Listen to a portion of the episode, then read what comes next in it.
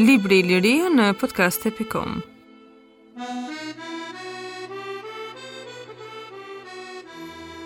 Varreza tumulare ilire e Barçit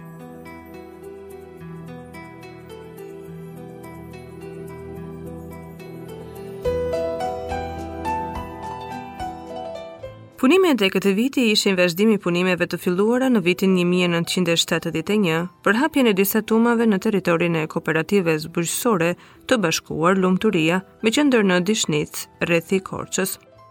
Gjatë këtyre punimeve përfundoi së gërmuari tuma numër 1, tuma më e madhe e kësaj varreze, e cila mbeti e papërfunduar në vitin 1971. Nga gërmimet rezultoi edhe njëherë se Tuma kishte ruajtur pjerrësinë e terrenit mbi të cilin ishin ngritur, prandaj pjerrësia e skajeve të saj nga qendra ishin të ndryshme. Thellësia maksimale e Tumës ishte 3.40 metra në skajin perëndimor, kurse diametrat 43 me 41 metër. Pjerrësinë dhe formën më të rregullt e ruante sektori i parë dhe i katërt. Sektori i tretë jug-perëndimor ishte sektori më i madh i tumës me rreze jugore 23 metra. Karakteristik ishte për këtë sektor përhapja e madhe e gurëve që shtriheshin sidomos në periferi të tij. Këta gurë qenë vendosur në formën e një kaldrëmi të trashë të formuar nga disa shtresa gurësh që ruanin pjerrësinë e tumës. Gjatë gërmimit në këtë kalldrëm u fiksuan 7 varre dhe u gjetën sende të veçanta. Inventari i këtyre varreve dhe objektet e tjera i përkisnin shekullit të 6-të para erës sonë. Ka mundësi që kjo tumë e periferisë së këtij sektori të ishte ndonjë shtosë e më vonshme e tumës, meqenëse kjo tablo arkitekturale nuk përsëritet në sektorët e tjerë dhe varret e kësaj periudhe janë gjetur vetëm në këtë sektor. Në gërmimet e këtij viti u fituan të dhënat me interes lidhur me arkitekturën e tumave të kësaj krahine juglindore të vendit tonë. Si element i rëndësishëm në arkitekturën e përgjithshme të tumës, duhet të përmendim zbulimin e unazës fillestare që e rrethonte atë. Unaza u zbulua në katër sektorët dhe kish pothuajse formën e rregullt sferike. Ajo ishte formuar nga rrath gurësh të bardhë gëlqerorë të papunuar Sikurse ishte formuar dhe unaza e rritjes së tumës që ishte zbuluar më parë dhe ishte krejtësisht e plotë. Unaza ishte ngritur mbi tabanin dhe ruante shumë bukur pjerrësinë e terrenit. Brenda kësaj unaze u zbuluan dy varre, varri qendror i tumës numër 179 dhe në të njëjtën thellësi nga qendra më tej, varri 162. Unaza e rritjes së tumës ishte ngritur rreth 1.40 metra mbi unazën fillestare. Përmasat e saj përputheshin gati krejtësisht me ato të unazës dytësore. Por gjatë gërmimit ne nuk përcaktuam dot linjat e tumës fillestare dhe asaj të zmadhuar, sepse dheu i mbushjes së tumës, sikurse rezultoi edhe nga studimi i profileve gjatësore, ishte i njëllojtë. Gjatë gërmimit ne ndeshëm gjithashtu edhe bërthamën qendrore të tumës, e cila përmbante në vetvete varrin qendror. Bërthama qendrore përfshihej në mes të unazës fillestare të tumës. Ajo paraqiste një grumbull gurësh me formë eliptike, jo shumë të rregullt, me gjatësi 3.70 metra, me gjerësi 2.70 metra, dhe trashësi 0.70 metra. Në tërësi duhet thënë se bërthama qendrore e tumës kish formën e një trungu koni me dy baza eliptike. Baza e poshtme kishte gurë të mëdhenj, kurse e sipërme kishte gurë të vegjël. Në mes tyre ishte vendosur dhe një shtresë tjetër gurësh në të njëjtën formë. Në këtë fushatë gërmimesh u zbuluan gjashtëdhjetë e nëntë varre. Kështu numri i përgjithshëm i varreve të tumës arriti në njëqind e tetëdhjetë e një. Lidhur me ritin e varrimit u vërejtën po ato mënyra varrimi si dhe në gërmimet e mëparshme. Mbizotëronte varrimi me vendosje trupi, ndërsa varrimi me urna ishte më i rrallë. Varret ishin tre llojesh, gropa të thjeshta ku i vdekuri zakonisht vendosej drejt në tokë e rrallë mbi ndonjë shtrojë prej dërrase, Në ndonjë rast, mbi skeletin ishte vënë një mbulesë prej dërrase. Varre të kufizuara anësh me gurë dhe urna. Një mënyrë të veçantë të ndërtimit kishte varri qendror i tumës i vendosur në bërthamën qendrore. Skeleti i këtij varri ishte vendosur mbi një kaldrëm gurësh me formë eliptike jo të rregullt, 0.30 metra të trashë, me përmasa 3.10 deri në 2.80 metra.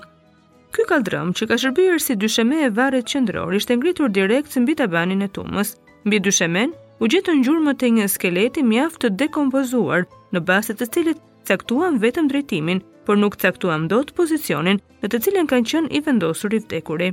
Kufoma ka qenë mbuluar direkt nga shtresa të tjera gurësh në formë eliptike të përziera me pak dhe të shkrifët, trashësia e të cilit ishte 0.20 metra. Në një pjesë të mirë të varreve skeletet ishin shumë të dëmtuara, por gjatë hapjes së varreve u gjetën edhe skelete të ruajtura shumë mirë në bazë të të cilëve mundëm të caktojmë pozicionin në të cilën kanë qenë vendosur kufomat.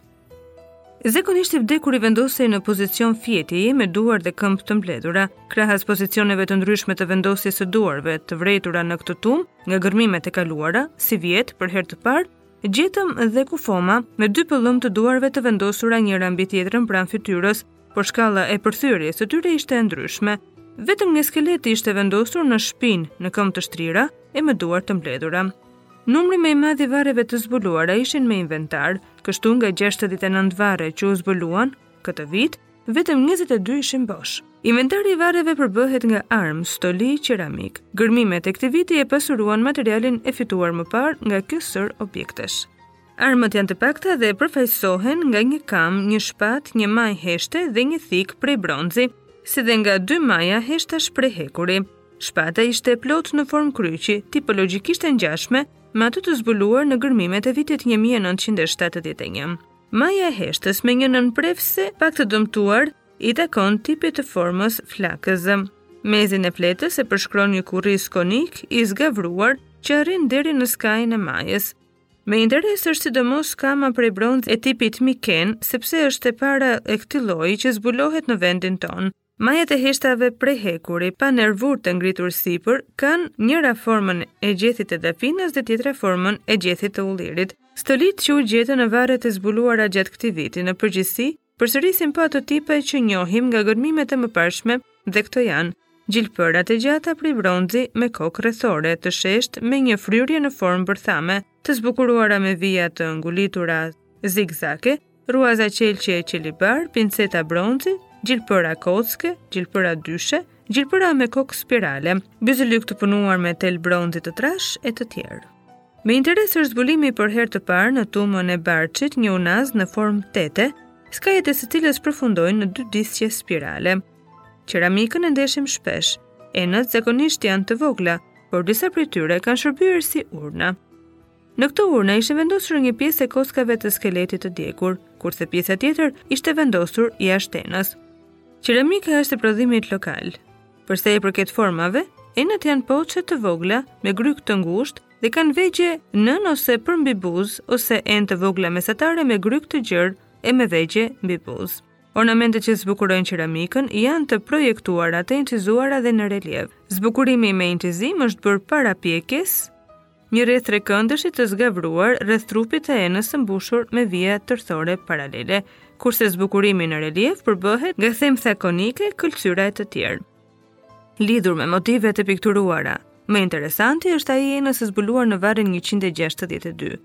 Ena paraqet një formë të njohur që ndeshet shpesh në qeramikën e bronzit të vonë në vendbanimin e Maliqit, si dhe në qeramikën e kësaj tume që u zbulua në vitin 1971.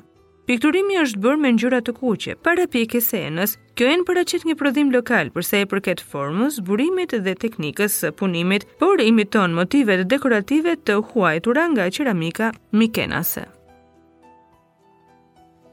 Libri Iliria në podcast.com Varreza tumulare ilire e Barçit